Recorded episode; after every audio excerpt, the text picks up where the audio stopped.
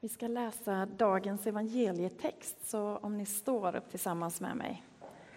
Den är hämtad från Matteus evangeliets sjunde kapitel, vers 15 till 23. Och om du har den röda bibeln som finns här i kyrkan så är det på sidan 682.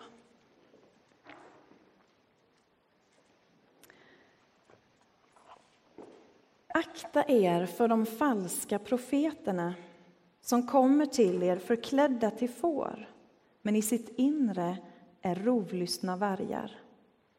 På deras frukt skall ni känna igen dem. Plockar man kanske druvor på törnen eller fikon på tistlar så bär varje gott träd bra frukt, men ett uselt träd bär dålig frukt. Ett gott träd kan inte bära dålig frukt, inte heller kan ett uselt träd bära bra frukt. Varje träd som inte bär bra frukt huggs ner och kastas i elden. På deras frukt ska ni alltså känna dem. Inte alla som säger Herre, Herre till mig ska komma in i himmelriket, utan bara de som gör min himmelske faders vilja. På den dagen ska många säga till mig, Herre, Herre, har vi inte profeterat i ditt namn och drivit ut demoner i ditt namn och gjort många underverk i ditt namn? Då ska jag säga dem som det är. Jag känner er inte. Försvinn härifrån, ni ondskans hantlangare.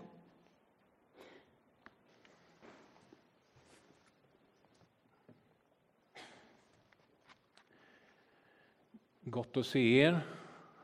Bekanta ansikten, nya ansikten. Magnus heter jag. Idag ska jag säga någonting om andlig urskiljning utifrån texten som Petra nyss läste. Och som redskap så har jag det här med frukten. Andlig urskiljning. Det låter väldigt avancerat va? Men jag hoppas att jag får er att förstå att det är väldigt mänskligt. Alltså, det mesta som försöks döljas kommer fram till slut. Med tiden blottas de flesta sår. Det som göms i snö kommer fram i tö. Jag tänker att det är ord som beskriver en, en allmän sanning och en sanning som det finns spår av i dagens evangelietext. En sanning som gäller en människas karaktär, drivkraft och motiv. På lång sikt så visar sig frukten av en människas liv. Och i en kristen världsbild då i relationen till Gud. Vad har vi gjort med det som gavs till oss? Varje gott träd bär bra frukt, men ett uselt bär dålig frukt. En falsk profet kan avslöjas lika väl som ett träd identifieras genom sin frukt. Efter en väldigt snabb släktforskning på nätet i veckan på, för mig och min fru eh, Therese på våra fäders sida så kunde vi konstatera att min farfar han var från Donsö. Och så långt bak som vi kunde hitta rötterna så var det det var Donsö, det var Styrsö, det var Asperö och så längst bort var det väl Brännö tror jag. Där har jag mina rötter. Men Therese, hon hade det lite finare. Bramer som blev Brammer i Norge. Och sen var vi i Danmark och det slutade i en tysk adelsfamilj. Fint ska det vara. Psalmisten ger oss en bild av en människa som har sin förtröstan och sin identitet i Guds vilja. Att hon är som ett träd planterat nära vatten som bär sin frukt i rätt tid och att bladen aldrig vissnar. Rötterna de hämtar liv och så ges det frukt. Och alla har vi familjerötter. Men alla så hämtar vi också liv någonstans ifrån som ger frukt. Jag är vinstocken och ni är grenarna. Om någon är kvar i mig och jag i honom bär han rik frukt. Utan mig kan ni ingenting göra. En av bilderna för att förklara en kristen världsbild är att människan kopplas ihop med Jesus. Alltså Jesu liv hämtar vi liv ifrån och det ger frukt. Frukten kommer från samhörigheten med Jesus och den heliga Andes liv i oss. Det är en mystisk sammankoppling men som ska skapa synliga konsekvenser. Visa mig din tro utan gärningar så ska jag med mina gärningar visa dig min tro. Jesus klassiska tal från berget skapar olika känslor hos oss som lyssnar. Bergspredikan den kan vara tröstande. Saliga de som sörjer, de ska bli tröstade. Den kan vara lockande. Sök så ska ni finna. Och den kan vara utmanande. Inte alla som säger Herre, Herre till mig ska komma in i himmelriket utan bara de som gör min faders vilja. I Luthers tradition så har man tolkat det som omöjligt att följa Jesu ord i bergspredikan. Och därför har man tänkt att bergspredikans syfte är att visa på vår otillräcklighet och övervisa oss om vårt stora behov av Guds nåd. Som ni förstår så kan praktiken av den tolkningen leda till passivitet. Men Jesus säger, så bär varje gott träd bra frukt. Men ett uselt träd bär dålig frukt. Inte alla som säger Herre, Herre till mig ska komma in i himmelriket, utan bara de som gör min faders vilja. Och I slutet av sin predikan så hävdar Jesus, den som hör dessa mina ord och handlar efter dem är som en klok man som byggde sitt hus på en berggrund. Jesus ord vill skapa en tillhörighet och ett sätt att leva som ger en stabil grund i våra liv. Och då behövs det ibland tid för eftertanke och reflektion. På vad för någon slags frukt känns jag igen? Jesus han varnar för de falska profeterna som kommer till dem med ett yttre som är fromt men i sitt inre så finns det falska motiv. Någon som utger sig för att vara bärare av sanning, som talar sanning men inte lever som han talar. Alltså ord och handling hänger inte ihop.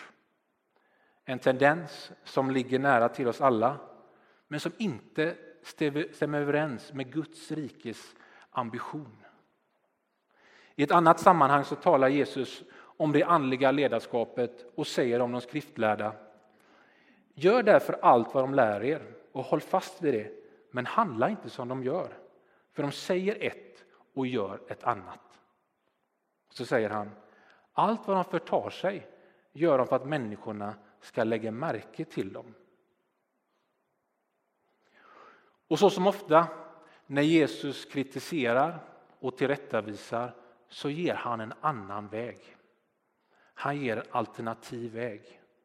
Och så säger han, den som är störst bland er ska vara de andras tjänare. Så en nyckelfråga i Jesus sätt är, vem hamnar i centrum? Vem får äran? Ledare och förebilder i Guds rike kännetecknas framför allt av en tjänande attityd. Alltså bra frukt kanske är att man i det långsiktiga resultatet och effekten kan säga det har inte varit fullkomligt men ändå han eller hon har varit som en tjänare utifrån sin personlighet. Kanske det är bra frukt. God frukt och bra frukt i Guds rike kan kännas, kännas igen på flera sätt än en tjänande attityd, även om man tänker den är grundläggande. Bergspredikans lockande rop till en hel mänsklighet visar också på vad som är bra frukt. Man kan ställa sig ett antal frågor för att förstå vad som är Guds rikes drivkrafter. Finns det barmhärtighet? Finns det ödmjukhet? Finns det rena hjärtan? Finns det hunger och törst efter rättfärdighet? Bes det att Guds namn ska bli helgat? Finns det strävan efter försoning för andra och för sig själv?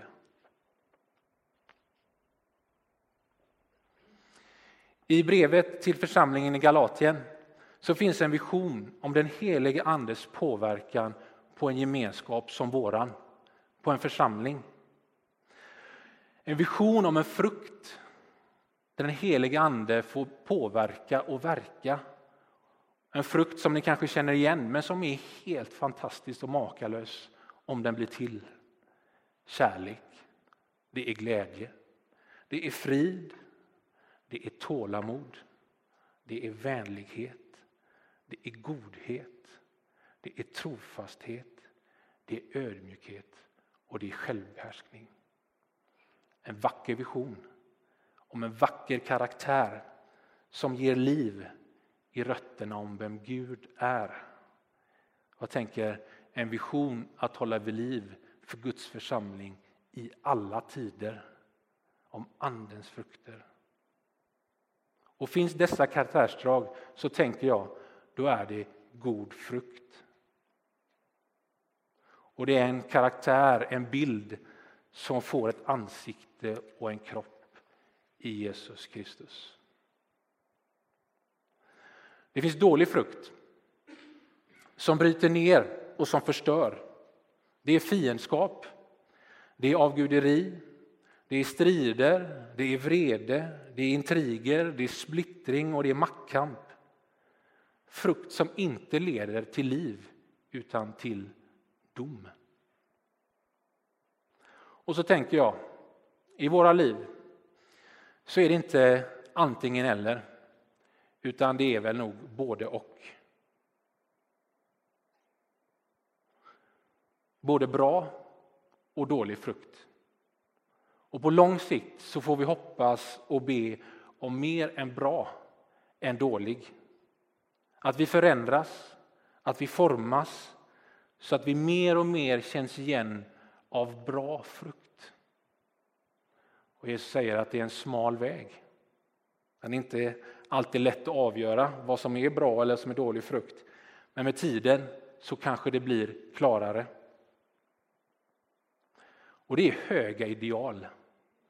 Jag är medveten om det när jag står här framme. Men jag tänker att det är höga ideal för det handlar om Guds rike. Om Guds kärlek till skapelsen.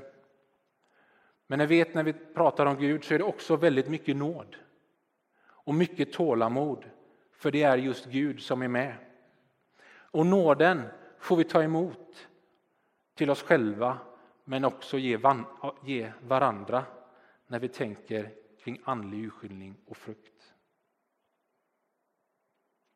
Men det är en mästare som kallar på oss till att bygga ett rike som visar på vem han är.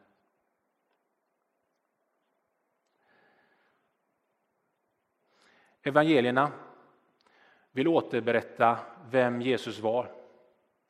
Men experterna hävdar också, och givetvis var det så, att evangelierna skrevs i en kontext, i ett sammanhang. Det hade börjat bildas gemenskaper, församlingar som våran. Så när evangelierna skrevs så var det en berättelse av Jesus, men det var ju också någonting utifrån en kontext in i församlingarna. Alltså valet och upplägget, valet av texterna, upplägget på texterna säger också någonting om den församling som den skrevs till. Så när Jesus säger akta er för de falska profeterna som kommer till er kan man tolka som att dessa profeter har kommit till församlingarna. Hur ska vi tänka kring det? Jag tänker att vi inte behöver fokusera på misstänksamhet. Men vi ska inte heller vara naiva när vi befinner oss i mänsklig påverkan. Jesu ord väcker olika känslor i oss. Dagens text, om nu jag lyckas få fram vad något vad den säger, är utmanande. Och den blir extra utmanande om du och jag placerar oss själva i den texten och inte stannar vid en analys om att den eller hon eller han är en falsk profet. Utan du och jag placeras i den texten. Och bergspredikan är inte bara till för att visa på vår otillräcklighet och behovet av Guds nåd. Även om vi läser den här texten så förstår vi att vi behöver Guds nåd. Men Jesu predikan vill också väcka och ge oss en klar bild om hur våra liv kan bli. En klarsynthet över att våra liv kan bära olika slags frukt. Och en väg fram för oss kan ju vara att börja reflektera över vart befinner jag mig? Att söka Gud, att ödmjuka sig och fundera. Be om nåd, be om hjälp, att omvända sig. För det finns alltid möjlighet till förlåtelse och börja om på nytt. Att söka förebilder. Vem kan jag försöka likna i mitt sätt att följa Jesus? Och kanske ta det förtroliga samtalet med någon nära dig. Vad ser du i mitt liv? Nu börjar det bli riktigt obekvämt. Ser du klart? Ser du klart kring dig själv? På vilken frukt känns du igen? Ser jag klart kring mig själv? Varje gott träd bär bra frukt, men ett uselt träd bär dålig frukt. Gud, förbarma dig över oss så att vi får vara som du och bära bra frukt för vårt eget bästa, till andras välsignelse och för världens bästa. Amen.